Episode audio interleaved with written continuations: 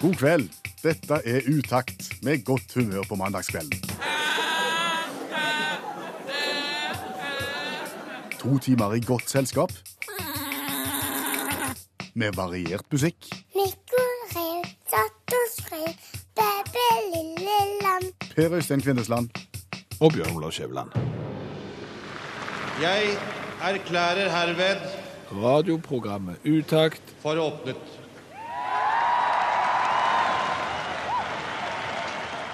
Det blir mye stillesitting nå i helgene når det er så mye sport på TV. Ja, det, det var relativt bra skiløyper, og det var enkelt og fint vær å komme seg ut i, men så blir du sittende inne, og så blir du seende på all den der interessante vinteridretten som, som er på skjermen, og så, og så konstaterer du det, at noen vinteridretter har mye publikum, og noen har nesten ingenting. Hvem er det som sliter i motvind?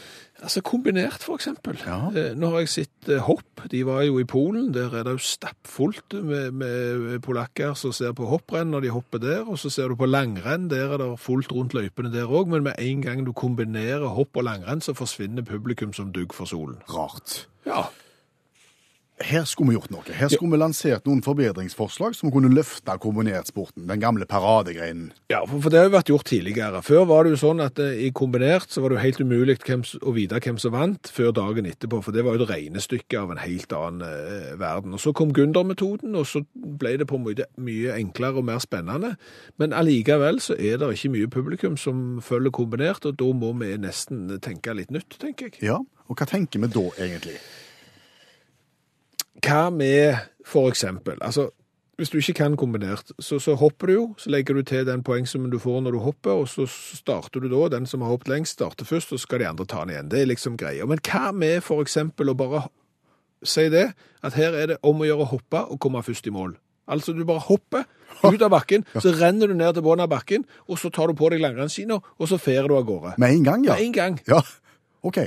Og det kunne vært interessant. Og da, Skal du gå videre på, kan du gå videre på hoppski? Ja, men altså, det, det, det her må jo de som deltar få lov å velge selv, og det tror jeg jo litt av er spenningsmomentet. For eksempel, hvis du, det er jo ingen som vil gå på hoppski. Ja, det går ikke an. Nei, men hvis du vil for eksempel hoppe på langrennsski for å ha de på, så er jo det, det vil være bra publikumsidrett. Ja, da spar, sparer du jo tid med skibytte. Ja, det er klart du hopper ikke så langt, men det tar du gjerne igjen med, med et raskt skibytte. Eller det er kanskje det mest nærliggende, det vil jo være å hoppe med hoppski, men å hoppe i sånn en langrennsdress i stedet for hoppdress.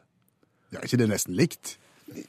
Ja, trikot? Ja, det er trikot begge deler, og så slipper du å bytte det når du kommer i bånd, og så er det bare å hive på seg langrennsskiene, og så turer du ut i løypa. Altså, dette med skibytte, det funker jo for langrennsløperne. Ja. Det, det bør funke for, for uh, kombinertløperne òg. Ok. Hjelm? Hiver vi den av? Klart, nå er det en eller annen HMS-ansvarlig i det der Energiforbundet som kanskje vil komme med en eh, pekefinger, men jeg tenker fritt fram. Altså, I gamle dager hoppet de med topphua, og det gikk alle tider. Jeg tenkte nå- mer på å gå langrenn med hjelm. Å ja, ja, det må du vel gjøre. Eller så kan du begynne å gå, og så når det blir varmt på ørene, så hiver du den. For eksempel. Det, vi har ikke noen fasit. Dette her er ikke ferdig tenkt, men vi bare løfter denne debatten opp og, og ber Det internasjonale skiforbundet se på dette. Ok. Hoppsporten trenger vi ikke gjøre så mye med. Hoppsporten sliter jo ikke i motvind, som du sier. Nei, han gjør jo for så vidt ikke det, men, men jeg vet jo at det er svært mange hoppinteresserte som ser seg litt lei på, på den der eh, Nå blåser det, nå blåser det ikke, nå blåser det litt for mye, nå blir det trekk, og da blir det bakvind, og så blir det pluss- og minuspoeng, og så, så kan de ikke hoppe andre omgang fordi at det er ulike forhold og sånn. Jeg, jeg tror jo vi sitter på, på resepten for hvordan du skal hoppe under helt identiske forhold. Ja, og da tenker vi rett og slett på parallellhopping. Ja, eh, for eksempel, har du parallellslalåm, to identiske løyper ved siden av hverandre, starte nøyaktig på likt, det samme kunne du fått til i hopp, du hadde ikke trengt å gjøre hoppet mye bredere, det er plass til to hvis du bare bruker, ja, men at du ser det er trapper på sidene der, sant? Bruk plassen, sett to hopper ut samtidig, den som sist treffer bakken, Har vunnet. har vunnet, sant? En hopper 110 meter, han vil jo sannsynligvis være lenger i lufta enn en som hopper 90 for eksempel. Ja. Så går du videre til neste runde. Men de kan ikke være for tett, for da er det farlig. Igjen, det her er ikke ferdig tenkt, men, men, men samtidig så vil jo det være veldig spektakulært. Veldig publikumsvennlig hvis de faktisk ligger litt tett. Ikke så tett at de kanskje kan dytte hverandre, det vil være ugreit. Men, men, men du ser de bildene, de TV-bildene der, da tror jeg folk hadde begynt å virkelig følge med på hopp. Parallellhopp. Ok. Da har vi gjort noe for kombinertsporten, da har vi gjort noe for hoppsporten. Skal vi gjøre noe for skøytesporten? Det er nok den som skriker etter mest hjelp fra, fra vår side. Det er Ja. nok det. For skøytesporten fra fulle hus på Bislett for lenge, lenge siden til, til nå, Mm. de, de, de sliter. Derfor så anbefaler vi rett og slett våpen. Gevær, ja. Ja. Langrennssport er gøy. Langrennssport med gevær på ryggen er dobbelt så gøy. Skøytesport er kjedelig. Skøytesport med gevær på ryggen er tre ganger så gøy. Skøyteskyting, rett og slett, etter mønster fra skiskyting. Ja, det er ikke verre. Du bare legger ut på isen, og så eh, etter 1000 meter, så det er gjerne skyting. Bommer du, så, så tar du deg et par strafferunder på indre bane. Det er kjempeenkelt, og så fortsetter du sånn. Helt genialt. Det er ikke bare lett å skyte stående på, på skøyter, tenker jeg, når du er litt skjelven i låra. Nei da, men da har du hjelp i den der stramme trikoten, og så går det alle tider. Altså. Som sagt, dette her er ikke ferdig tenkt, men, men tenk på det.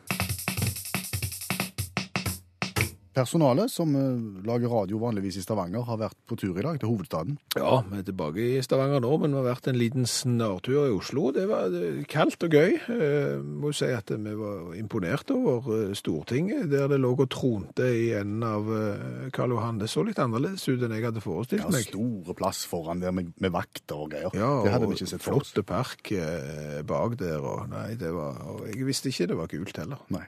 Fin opplevelse. Fin opplevelse var det. Fordi at det ble jo en del flyplass i dag, og en del venting, og det er ubegripelig kjedelig med flyplass.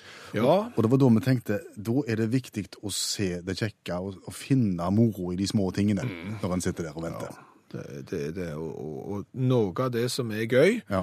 Nå må ikke vi høres ut som at vi rakker ned på folk, men, men noe av det som jo er alle tiders gøy, det er jo å se på de som har kommet inn med et litt for seint fly, Ja. og skal rekke et som er i rute. Ja, altså folk som springer på flyplass. Ja, ikke bare ja, Folk som springer på flyplass er jo nødvendigvis ikke så gøy, men det er jo en spesiell rase som kanskje er mer gøy å se springende på flyplass enn andre, og det er de som, la oss si, de har passert 50. Ja, Og de har ikke sprunget siden ungdomsskolen. Nei, da sprang de 60 meter. Ja, Og etter det så har de av egen fri vilje valgt å holde seg helt i ro. Mm. Fram til den dagen de kom inn til en flyplass med et litt for sent fly og skulle rekke et som var i rute. ja. Da får de et artig oppsyn, ser du. og et artig løpsett, for de er ikke nok med at de ikke har sprunget siden ungdomsskolen. Nei. De har, de har også gjerne med seg trillekoffert. Ja, og, og det er klart at hvis du ikke har sprunget siden ungdomsskolen, og i tillegg ikke kan springe med begge armene fritt, eh, så, så, så blir det noe rart. Så har de gjerne mye klær på seg òg, så det blir varmt. Og nå kan ikke jeg Gardermoen kjempegodt, men, men det er et stykke fra, fra eh, den der han, nummer 19 på enden der til C3, for Ja, det eksempel. det. Det, er godt, det er et godt stykke. Og, og når du da akkurat ikke når det, Ja. Og, og må øse deg opp mot de som har sagt at nei, nå er gaten stengt, det er nesten like artig som å se når du springer. Ja, og så har du to kategorier. Du har de der eh, alenespringerne, Ja. de som har reist på egen hånd. Ja. De er nå så sin sak. Men, men familiespringerne er òg bra, sa du. Når, når hele familien, Der far har tatt ansvaret for å ligge i tet, og, gjerne tre-fire meter foran. og det er stort sett det han har tatt ansvaret for, og hun mor hun har tatt ansvar for alle koffertene og alle ungene. Ja. Og far har mista har mista det, rett og slett. Og, og jeg er sikker på at hvis far rekker flyet, så velger far å ta flyet, mens resten blir igjen. Ja, det tror jeg òg. Så langt har det gått. Så det er ganske gøy. Eh, en annen ting som jo vi syns var gøy, Ja. eh, det var jo applaus når du landa. Ja, det er det blitt helt slutt på. Før, Det- når en landa i Syden på chartertur, Ja. så klappet en for, for personalet om bord. Ja, og jeg, vi syns jo at det er litt trist at, den, eh, at det har forsvunnet. Og at Ja, det, du syns det er litt Jeg trist. syns det er litt trist. For, Jeg syns at du må kunne forvente av en pilot som har den jobben, og som har flydd mye, at han klarer å ta flyet trygt ned. Det er det han skal Jo, gjøre. men Vi trenger ikke gi en applaus for det. Ja, altså her, her er det flere aspekter, Per Øystein. For det første, vi mennesker har jo en lei tendens til å stort sett bare si fra om noe vi er misfornøyde med, og ikke når vi er fornøyde. Så sånn sett så vil jo en applaus være eh, en liten gest. Eh, og så er det jo ofte sånn at vi er jo takknemlige fordi at vi kommer trygt ned på bakken. Du kan si hva du vil. Det er naturlig å fly hvis du kommer i fulle, fulle fart, og vingene er jo lagd sånn at de holder oss oppe i lufta, men, men det føles jo ikke alltid greit. Og da er det jo en litt sånn en lettelse i det du klarer å sette bakhjula trygt eh, på bakken. Så, så sånn sett så kan det òg være en applaus. Og så sier du jo, du må jo forvente Du sa det ikke med sånn rar stemme, men, men det høres mye tøffere ut hvis jeg tar det. Jo, men du må jo forvente at det liksom, de kan jobben sin. Ja, det. Ja, sant, du sa det. Men tenk deg nå det, Per Øystein. Hvis du er er i Stavanger konserthus og ser på Stavanger symfoniorkester som framfører en symfoni nummer et eller annet av en eller annen. Ja. Når de er ferdige, da, Så klapper vi. så klapper det. Og du må jo forvente at de kan jobben sin, og at de spiller den symfonien sånn som den skal, men du klapper jo allikevel. Ja, jeg ser den. Og hadde jeg vært pilot, så hadde jeg satt pris på hvis de bak i flyet ga meg applaus fordi at jeg satte de trygt ned på landjorda igjen. Det er- Jeg tror du hadde kommet ut og vinkt fra det, cockpit. det sier seg ikke sjøl, det. altså. Det, det der ugne følelsen når du er oppe i lufta der og motoren stopper, den, eh, det, det, den skal du ikke se vekk ifra at det er ugreie. Så, så det er all honnør til pilotene som setter oss trygt ned på bakken.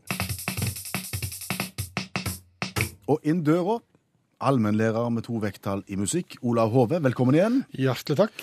Mannen som hjelper oss med det som vi sjøl ikke har greie på. Ja, det gjør du, og vi har forstått det sånn at eh, i dag så vil du gjerne snakke om den nært forestående innsettelsen av en mann med litt rart hår. Ja, det gjelder han Trump.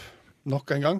Nå blir det snakket en del om at det her kommer til å bli den rareste innsettelsen noen gang. og Det er ikke måte på. Det, det, det kommer til å bli en bisarr opplevelse. og og, og eh, aviser kaller det for The Twilight Zone, og det, det er mye raljering med det, liksom. Og, og det kan jo hende det blir.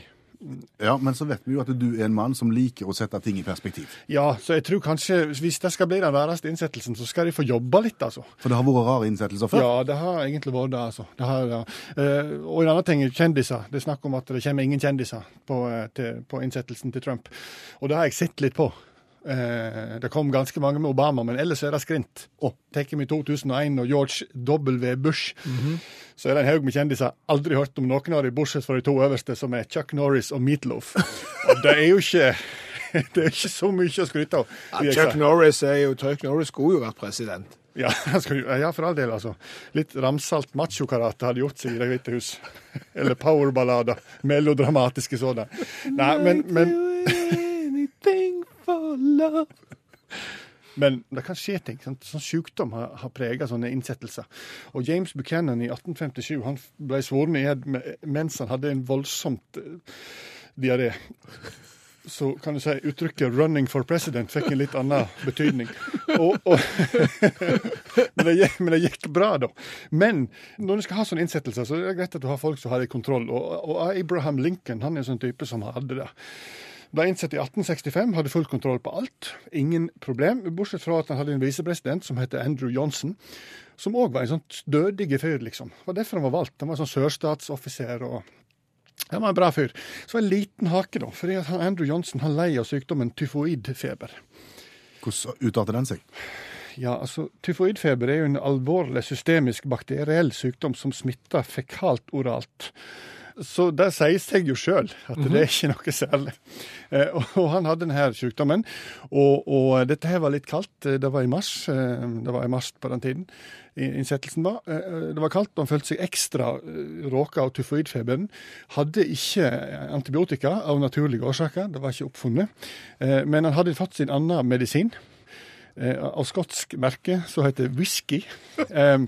Og, det, den er, og, og når du er hardt råka av en sykdom Så må du ha dette. da. ja, ja, så han har tatt tre stødige glass med whisky. Eh, og når du er visepresident, skal du liksom introdusere sjefen din. Du, Leile, leile, leile, leile. Hey, Lincoln. ja, og Vanligvis er det, det er to minutter, liksom, men de har sju da, egentlig til rådighet. Men det er som regel to minutter, så er det ferdig. For du skal ikke skine. Du har masse oppgaver som visepresident på den innsettelsen. Men du skal ikke skine. Men Andrew Johnson hadde lite behov for å skine. Så han brydde ikke så mye om de sju minuttene. Altså Etter 17 minutter så ble han nappa i ørelappet. Så rett og slett Nå er det nok. Så han ble nappa tilbake og fikk beskjed om at nå er det nok. Eh, Han ble ikke nappa så langt, så han måtte få hjelp til å sette seg ned på stolen. OK, greit. Han snakket litt lenge, og han skrudde på seg ting som han ikke egentlig hadde kontroll på. Og som litt sånn Alt som var godt i verden, hadde Andrew Johnson skrudd på seg. Abraham Lincoln eh, kviskra til stabssjefen sin. La han aldri mer snakke offentlig. Men så må jo han òg takkes i ed, veit du. sant? Så da må det på'n igjen opp og sant? luft hånda di, sverg på Bibelen og gjenta etter meg. Leile, nei, nei. ja, sant? Og, og så sleit han litt med jenta etter meg og snøvla en del. Valgte ikke å legge hånda på Bibelen, men han reiste istedenfor ikke venstre ikke høyre hånd, men venstre, og kysste Bibelen. Og så, ikke nok med det, så var det hans jobb til slutt da, å innsette de nye senatorene. Men da kom det beskjed om at han hadde fått ekstra mye tyfoidfeber, så han måtte utta litt mer medisin. Så det tok noen andre seg på. Så Donald der har jo litt å jobbe med. Eller Mike Pence, heter han vel kanskje. Overskrift for eh, neste innslag. Nei til cash. Nei til cash. Nei til cash. Ja til Kort. Ja til Kort. Hvem er det som sier det? Var med, men, men, men vi siterer på en måte Erna Solberg og Høyre. Som sier Eh, De har lyst på et eh, kontantfritt samfunn innen 2030. Det er et av målene til, til Høyre. OK. Det er vel den utviklingen, det er vel den veien utviklingen går, tenker jeg. Det er vel ikke noen som er uenig i at dette her er veien å gå, kanskje? Nei, men eh, 2030 det er jo kjempelenge til. Jeg kan ikke bare gjøre det i morgen. Men, men det er jo sånn at når noen da begynner, sånn som Høyre her begynner, så sier eh, nei til, til cash, at de vil ha et kontantfritt eh, samfunn, så det er alltid noen som tar til orde for eh, noen andre som syns at det er vondt. OK, for eksempel hvem? Ja, Da er det jo noen som sier å nei, vi kan ikke gjøre det, vi må tenke på de gamle. Ja, det syns jeg vi skal gjøre. Jo, selvfølgelig skal vi tenke på de gamle, men det er jo ofte litt rart at de som sier at vi må tenke på de gamle, ofte ikke er gamle sjøl. Ok, Litt sånn misforstått barmhjertighet, er det det du sier? Altså, dette her er ikke eksakt vitenskap, det vi driver på med nå. Er dette et av det vi har grunn til å tro-prinsippet? Ja, det, det er jo det. Men, men gå nå inn i, om ikke vennskapskretsen din, for, det, for den er ikke så gammel, men folk som du kjenner og vet om, som er godt oppe i åra. Ja, 70 pluss? 70 pluss og vel så det. Ja. Betaler de med cash eller kort? Veldig mye kort. Ja. Ja.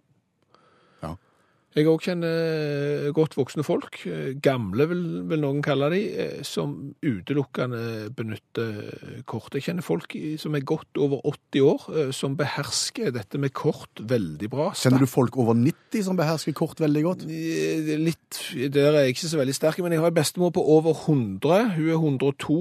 eh, Hun har kort. Men hun bruker det ikke? Nei, hun ser så seint at, ja. at det er vi andre som bruker kortet hennes. eh, Men, men, men det er det jeg tenker på.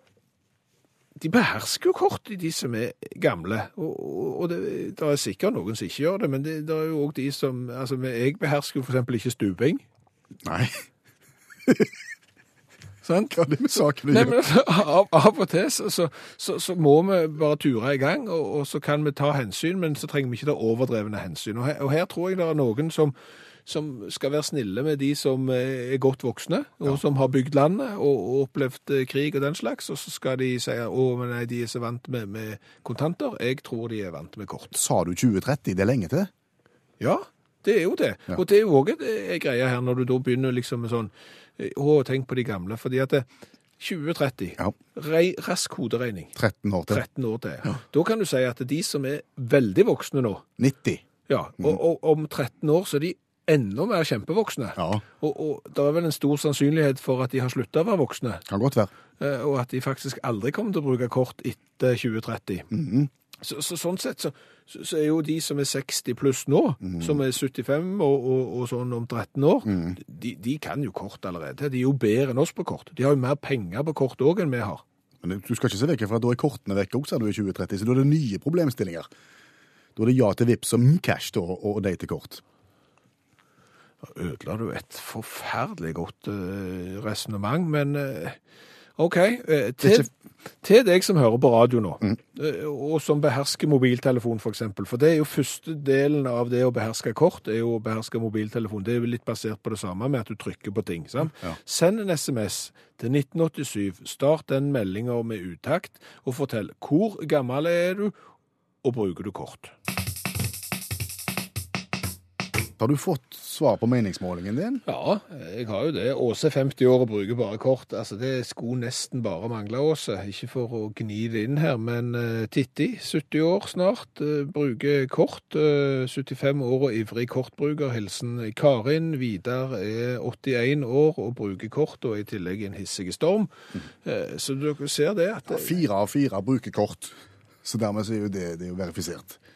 Altså, vi har lagt, eh, ja, har lagt slakkere journalistikk enn dette her. Eh, Svigermor er 96 og bruker kort, står det her. Hilsen Jørn.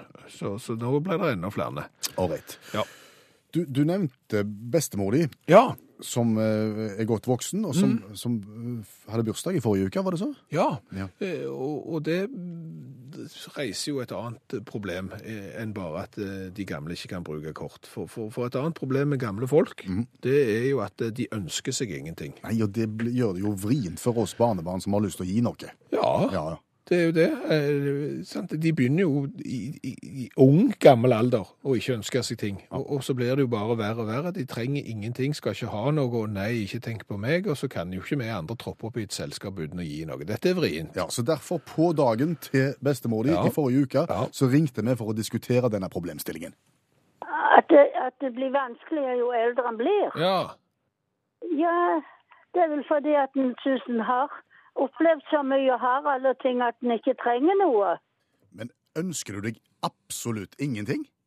Jo, selvfølgelig. Om en er gamle, så kan en ønske seg litt luksus og sånne ting. OK. Det er jo klart. Alle gamle folk liker jo sånn litt pynt og litt luksus og sånn, men, men en vil jo nødig at eh, familie og sånn som har gitt presanger hele livet, skal holde på å gi, gi en masse dyre ting når de kanskje bare blir liggende i et skap. Og det er jo ikke passende sånn. jo, men nå har du bursdag i dag, og, og hva kan jeg gå ut og kjøpe etter jobb som du ønsker deg? Ja, det, det er ganske sant. Det er jammen ikke lett. Jeg, jeg vet ikke, du vet. Jeg er blitt så gammel, vi må passe på tennene nå, så vi kan ikke gå bare og ønske oss snop. Du kan ikke ønske deg tannkrem heller. Tannkrem? Jo, tannkrem kan en alltid bruke. Iallfall, jeg har just hatt besøk av tannlegen og- og de var så fornøyde. De kunne ikke tro det var sant. Jeg hadde alle mine tenner. Men vi sier at du er godt opp i åra, Eva. Men hvor gammel blir du egentlig i dag? Jeg er 102. 102 år i dag. Ja. Det er voksent. Ja, det er voksent. Jeg føler meg i grunnen som en moden kvinne. Men hvis jeg kommer ut i selskapet i ettermiddag og har med tannkrem, er du fornøyd da?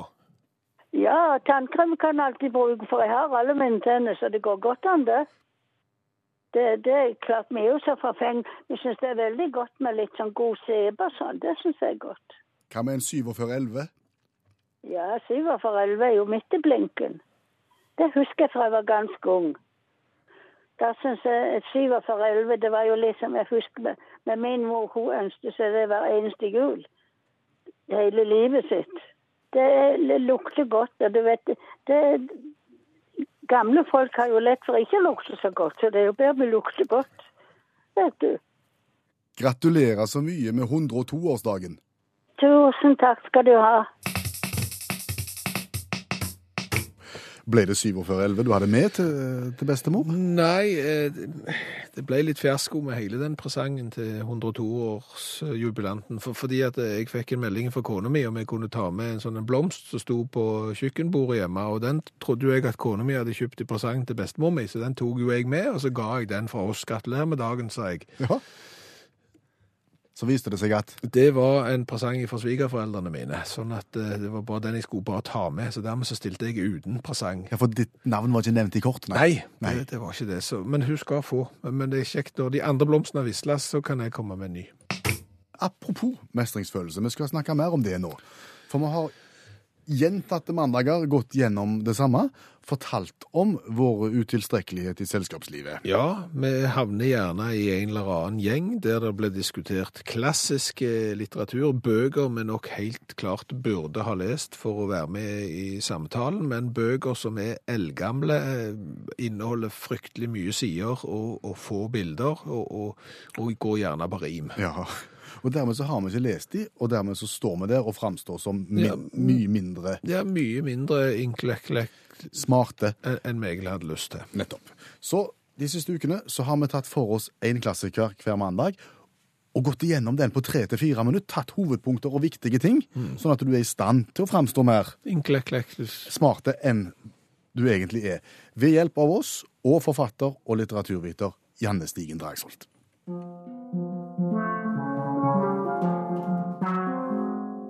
Withering Heights av Emily Bronte fra 1847. Lockwood. Fortell meg en historie, jeg er værfast. Nelly Dean. Jeg skal ikke sladre, men Heathcliff var adoptert, alle hatet han, og kjærligheten mellom ham og Catherine døde. Heathcliff Catherine! Lockwood, da får jeg vel gå. Ja. Det som skjer her, da, det er at det er en som heter Lockwood, han kommer til et et sted som ligger oppå The Moors eh, i Yorkshire. Og så får han høre hele historien om Heathcliff og Catherine, som er en sånn en veldig tragisk kjærlighetshistorie. Heathcliff er jo en verdens verste fyr. Utrolig sur og ganske slem. Eh, og Catherine, hun er allerede død. Og eh, Heathcliff dør òg på slutten. Har du grepet det, Skjæveland? Eh, Ikke helt. Jeg trodde jo dette var en sang av Kate Bush. Det er det òg, og det er en kjempefin sang. Eh, og det er en fantastisk roman. Det er jo, folk skjønte jo ingenting av han når han kom i 1847. Og eh, det har blitt beskrevet som den eneste kjærlighetshistorien som har blitt skrevet uten at det er noen helt. Fordi at Heathcliff han er, liksom, han er bare helt vill. Han er utrolig slem, og, og, og når du leser boka, så vet du liksom ikke hvem du skal heie på. Så du har jo lyst til å heie på noen, du har lyst til liksom at de elskede skal få hverandre, men både Catherine og Heathcliff, de er de er liksom så usympatiske og kjipe, begge to. Men samtidig så klarer du liksom ikke å legge den vekk. Fordi det er så utrolig mye som skjer, og de er så fascinerende, disse herne karakterene. De er så sammensatte. Eh, så det er, det er faktisk en av de aller beste romanene som har blitt skrevet. Stormfulle høyder oversatt eh, til norsk. Hvem er det som blir imponert hvis du har lest boka og ikke bare hørt sangen til Kate Bush? Det er kvinner. Eh, på samme måte som menn blir imponert når du har lest Moby Dick, så blir kvinner veldig imponert når du har lest Withering Heights. Eh, og det ligger delvis i det ene sitatet som jeg har tatt med, eh, hvor eh, Catherine sier Jeg skulle ønske at jeg var jenta igjen. Halvt vill og halvt fri. Og der er liksom Withering Heights Det er ikke sånn den, De kvinneskikkelsene, de, de lar seg ikke kue. Altså, de gasser på. Eh, og særlig gjelder jo dette den Catherine-skikkelsen, da. Eh, så jeg tenker at, det, at det, menn som har lest Withering Heights, eller som later som de har lest den fordi de har hørt dette på radio, de kan få en del kred hos kvinner, for da tenker kvinner at du forstår meg. Er du helt bombesikker på det? For, for jeg eh, leste Lavendelhagen her en, en sommer fordi jeg slapp å få krimlitteratur, og jeg vet ikke om jeg kom ut på topp da, altså. Lavendelhagen. Ja. Den har jeg ikke lest. Nei, det er veldig trist. Ja. Ja, Det er Lucinda Riley, oh, ja. denne Stigen Tangsholt. ja, populærlitteratur for damer. Men dette er jo for alle. Altså Withering Heights er for alle. Men jeg tenker at eh, med de skikkelsene som, som hun, Emily Bronte beskriver, så får du liksom et øye for kompleksiteten til mennesket som du i- ikke får i alle eh, Sikkert i Lucinda Riley òg, men i hvert fall her, da. Vil du kort oppsummere Wuthering Heights for meg, stormfulle høyder? Jeg syns det var litt vrient eh, å, å forstå, men, men jeg forstår at det, det er en tredjeperson her eh, som forteller kjærlighetsoppgjøret til, til to personer som egentlig er forelska, men de er ikke spesielt sympatiske. Og dette skjer på det høyeste punktet i England, sånn omtrent. Du har jo forstått alt. Jeg syns det var kjempebra oppsummert. Så dette, dette kan du klare i en sosial setting. Så klarer du å dra fram Withering Heights. Tusen takk, Janne Stigen Drangsvold, forfatter, litteraturviter, medlem av FAU og eh, hjelpetrener i friidrett.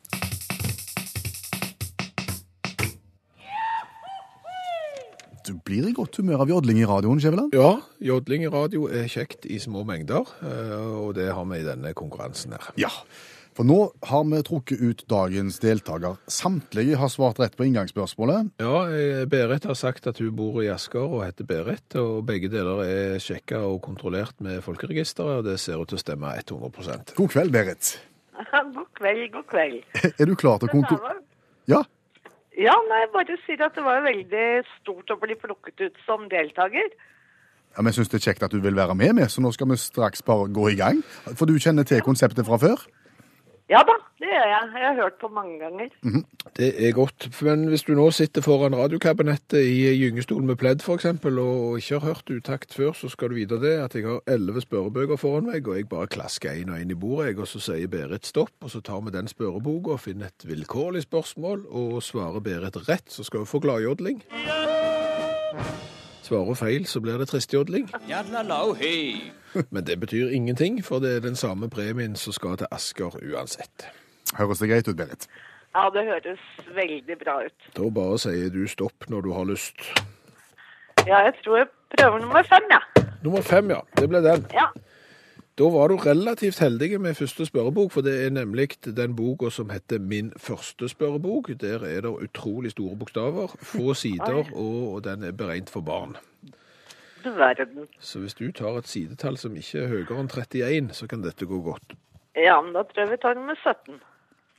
Og er vi omtrent midt i, og det er ikke kategorier her. Her er det bare bilder og tegninger og få spørsmål. Fire spørsmål å velge i, og du vil ha Da må jeg ha nummer to. Hva heter verdens høyeste fjell? Eh, det heter vel K... K2. Jeg gjør det nå en gang, det.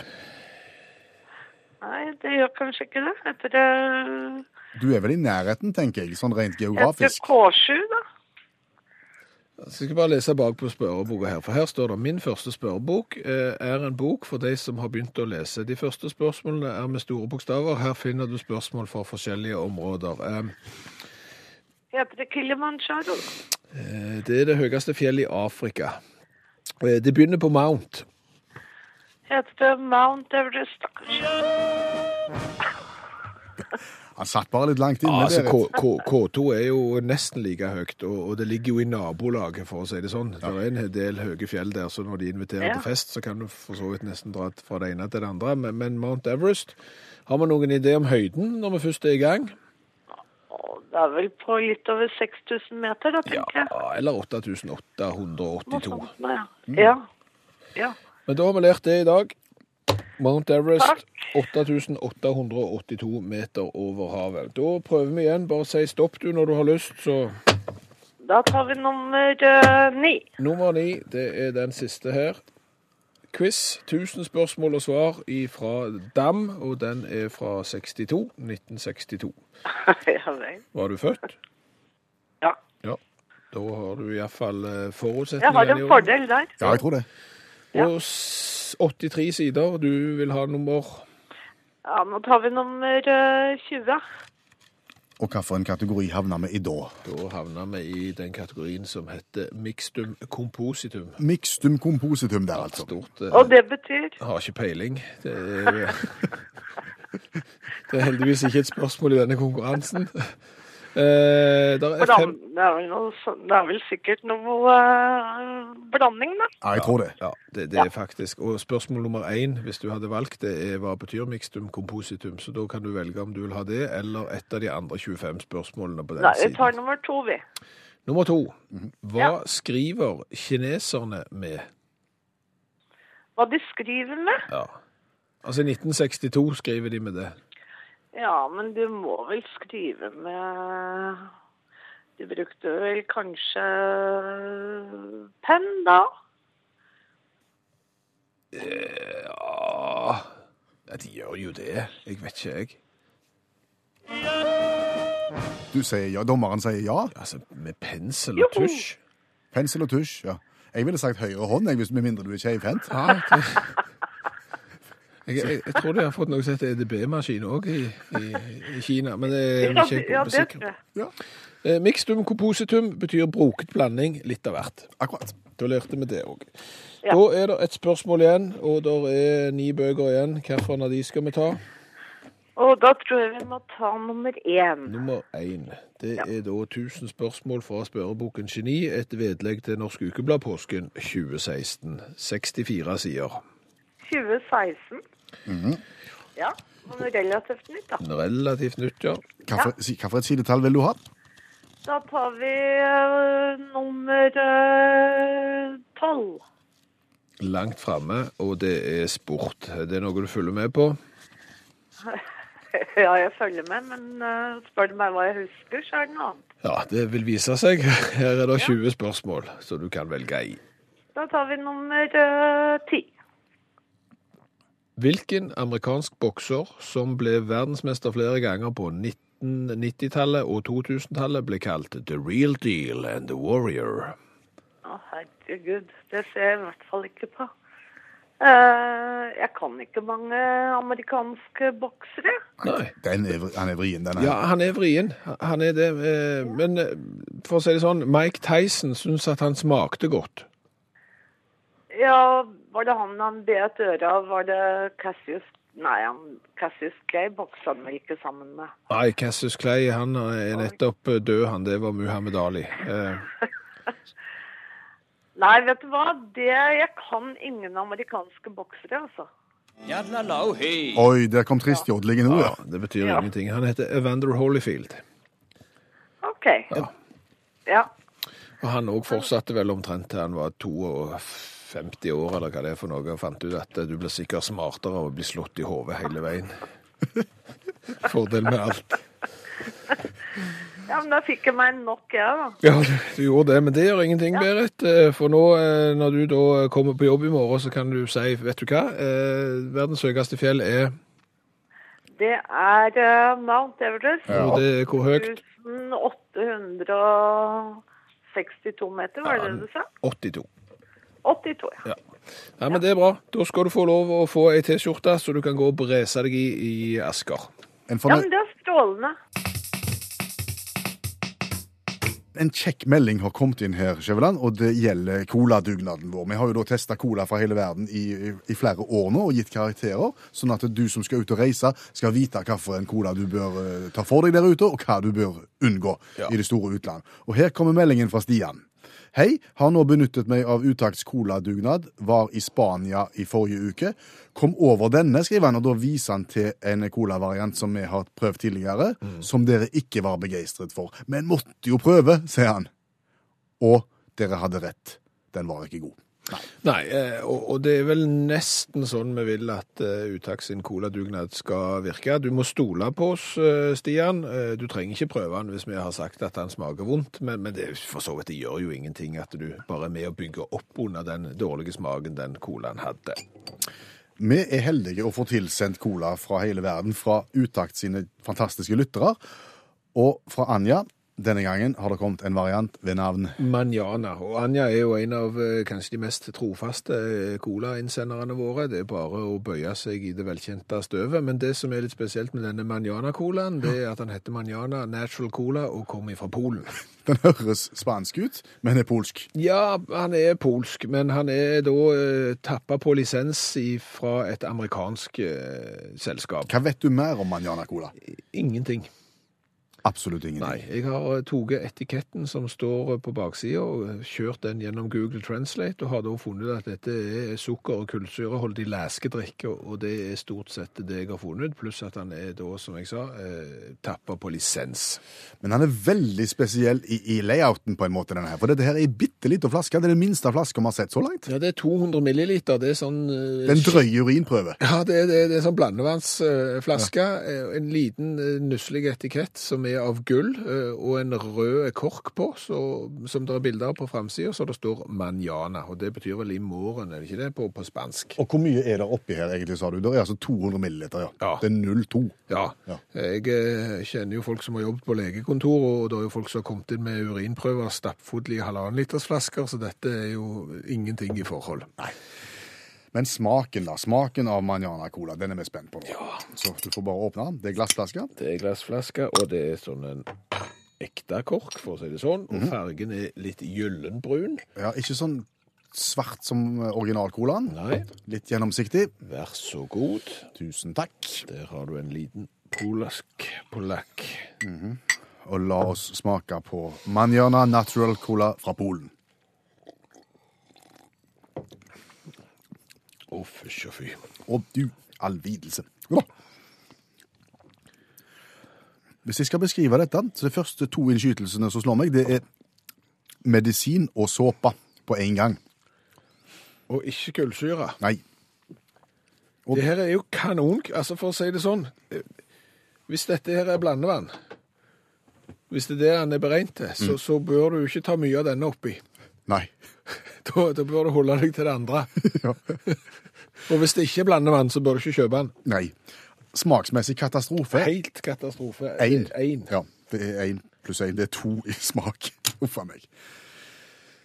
Han kommer jo til å ta litt igjen på designet, der, for det er jo unikt, dette her. Vi har jo aldri sett det før. Nei, det er, det er tøft. Det...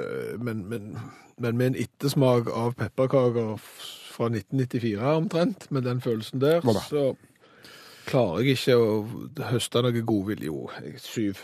Det er, Ja, det ja, er det er tøft. tøft. Det er lite og søte glassflasker som du aldri har sett før, med en artig etikett. Og det er gøy å ha i samlingen. Jeg er enig i det. Jeg tror vi gir en ja, men seks. kan han få. Seks. Seks i design. Ja. 13 pluss 2 er 15 totalt for Manjana Cola. Da legger han seg langt nede. Ja, han legger seg heldigvis eh, langt nede. Skal du til Polen eh, og bare drikke cola, ja. så kjøper du ikke denne. Skal du til Polen og drikke noe annet, så, så ikke bruk mye av denne.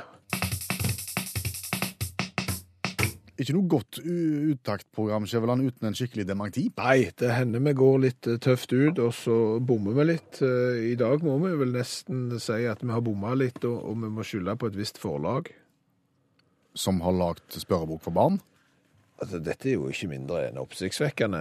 En, en, en spørrebok som eh, er mynta på de aller minste, de som nettopp har begynt å lese, der svaret på spørsmålet er altså verdens høyeste fjell, hva heter det? Det heter Mount Everest, og hvor høyt er det? 8882 meter står der i boka her, og, og det ringte ingen bjelle hos oss før det selvfølgelig ringte ei bjelle. Ja, for vi har jo alltid lært at det svaret skal være 8848. Jeg lurer på om det ikke kommer to òg, eller noe sånt. Men, men det er Pirkmen er 8848, og her har de klart å lære ungene at fjellet nesten er 40 meter høyere enn det det faktisk er.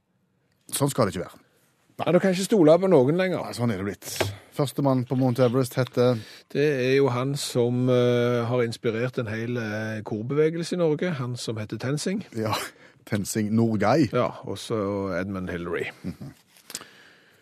Det hørte du i eh, radioprogrammet Utakt, som eh, mange hører på FM-radio. Noen hører på DAB-radio, noen hører på internettradio. Ja, eh, spesielt mange i Nordland kanskje som hører på DAB-radio akkurat nå, for de har jo skrudd av FM-nettet. Og så kommer jo spørsmålet, tid slutter det å være DAB-radio? Når det slutter å være DAB-radio? Forhåpentligvis om lenge, lenge, lenge, lenge. Nei, nå misforstår du. Når slutter en DAB-radio å være en DAB-radio og blir bare en radio? Altså, Og, og rent sånn begrepsmessig. Ja, for nå tar- kaller vi det en DAB-radio fordi at det er jo en DAB-radio. Det er jo strengt tatt en DAB pluss-radio, men sant? vi sier DAB-radio fordi at det er en DAB-radio. Men på et eller annet tidspunkt så er det jo bare DAB-radioer, og da slutter vi gjerne å si DAB-radio, og så sier vi bare radio. Mhm. For du gikk jo ikke hjem og skrudde på FM-radioen din.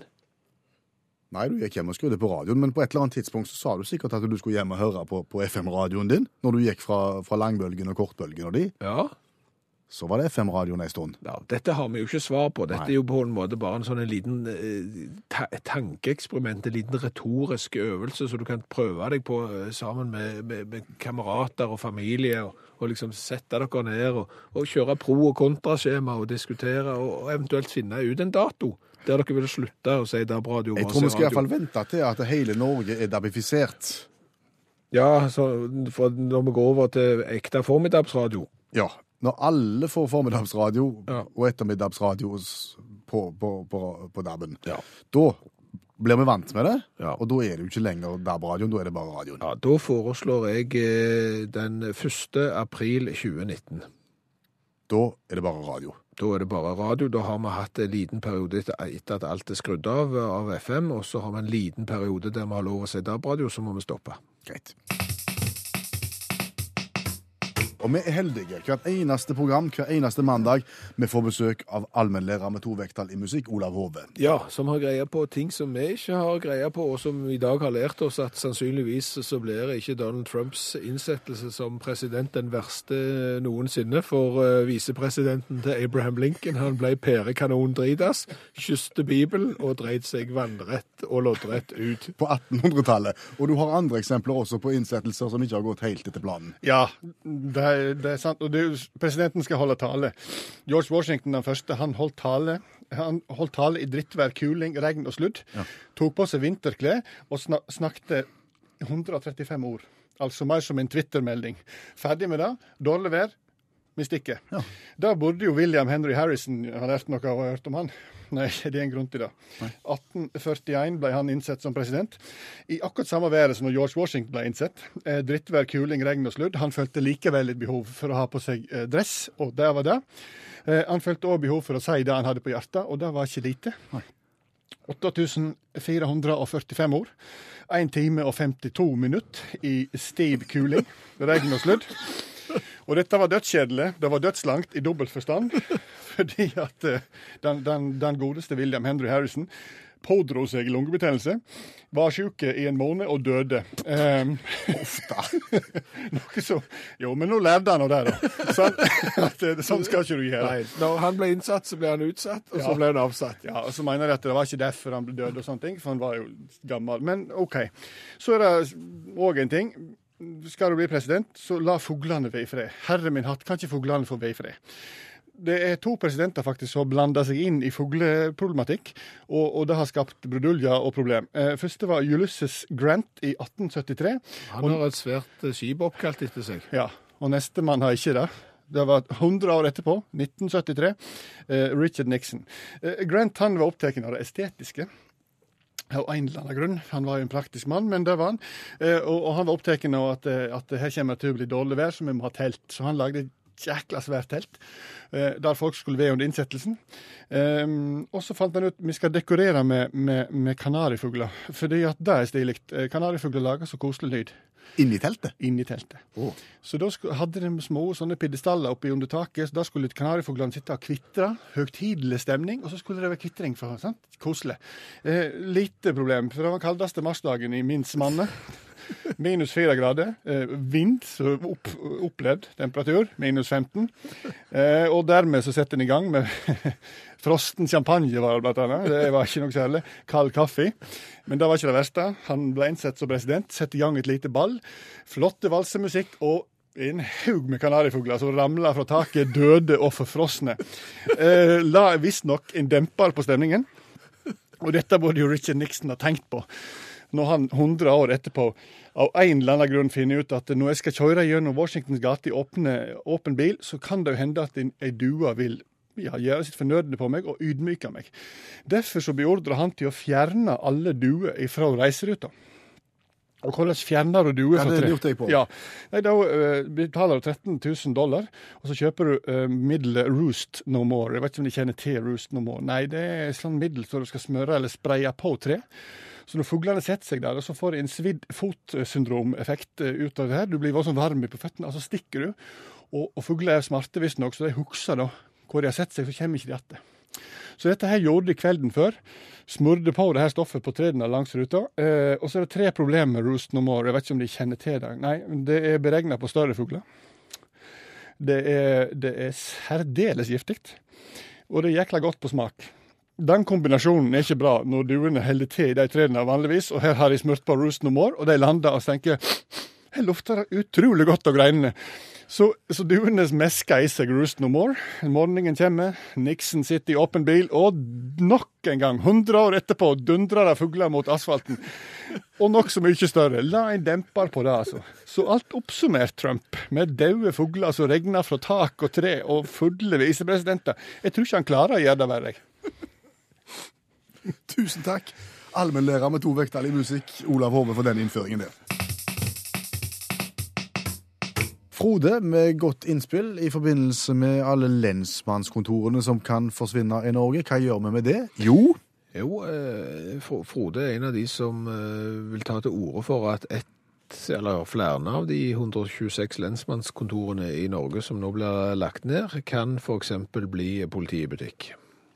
Ja, etter mønster fra Post i butikk, altså postkontor forsvant. Ja. Eh, Kom på kooperativen i stedet. Ja, og i mange andre butikker òg. Det er vel sågar post i gartneri, tror jeg, eh, skal òg finnes, ifølge Frode. Eh, Og det er klart at dette er jo et veldig interessant innspill Frode kommer med her. Politi i butikk. Ja. Ser vi for oss en liten skranke, en liten disk? Det er jo litt usikkert hva funksjoner som eventuelt burde vært lagt til politiet i butikk. Eh, Jeg tenker at eh, jeg har jo savna passkontor på, i, i, på andre steder enn bare de store byene. Det, jeg syns det er et mareritt å måtte bestille time to måneder i forveien og dra seg inn til, til en av storbyene for å få seg et pass. Det burde vært mulig å få gjort i butikk. Ja, for har du sett de der automatene som du nå lager deg pass i?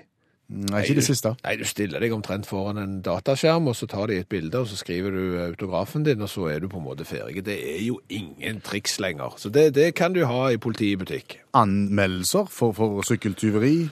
Ja, Altså, små ting. Enkle innbrudd eh, og sånn bør funke kjempefint eh, Mm. hos politi i butikk. Så tenker jeg det vil jo fungere kjempepreventivt på butikktyveri. Altså dersom den ene lille kroken i butikken, at der er politiet. Det er jo kort vei til å rykke ut. Ja, ja. Det er det jo eksempel hvis dette du, så du sier, kooperativen, hvis både kooperativen har politi og butikk, og noen stjeler i den butikken, så har de jo drevet på draget, for å si det på den måten. Litt og glattcelle.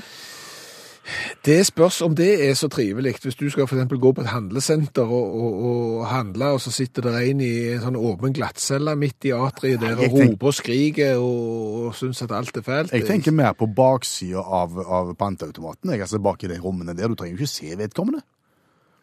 Nei, har du vært på glattcelle? Ja, ikke- ja. Ja, det er mulig at det skal få ligge en annen plass, men det er jo en interessant tanke. Den her er heller ikke ferdig tenkt, sier Frode, så det er jo interessant. Et spørsmål, eh, et viktig spørsmål som reiser seg her, da, er jo hvem skal være politi i butikk? Ja, ja, Må ikke det være representanter fra noen av de nedlagte lensmannskontorene, tenker du? Det er jo ikke sånn at det er postansatte som jobber i post i butikk. Det er jo butikkansatte som har ansvar for posten i butikken, og det er jo spørsmålet om det er den veien det da òg går hvis du får politi i butikk, at det faktisk er f.eks. grønnkledde fra kooperativen som bare flytter seg bak skranken og tar på seg en svart jakke. Kan jeg få synge en vignett? Hvis du må. 20 spørsmål fra Studio K7. Uten publikum og band, bare meg og deg i studio. Ja, altså Vignetten er ikke spesielt god, men konseptet er litt artig. Ja, det er ikke verst. Det er jo en videreføring av uh, legendeprogrammet 20 spørsmål som NRK har sendt i sikkert 250 år, men som nå ikke blir sendt lenger. Vår versjon er uten publikum, uten uh, orkester, uten at folk har sendt inn eh, artige ord på postkort. Men eh, rubrikkannonser på internett, og jeg skal finne ut hva du har bladd fram av rubrikkannonser ved hjelp av 20 spørsmål. Men for at dette skal bli gøy, så må du bla fram nå, Jeg har funnet fram en annonse. og så må du si til alle som hører på Utakt akkurat nå, hva jeg skal finne ut av. Nå har Per Øystein fingrene i ørene. Pizza Grandiosa-bestikk. Pizza Grandiosa-bestikk. Ja, du kan ta fingrene ut av ørene nå. All right. Yes. Jeg har 20 spørsmål på meg. Jeg pleier å begynne sånn som dette her. Er dette noe jeg har bruk for?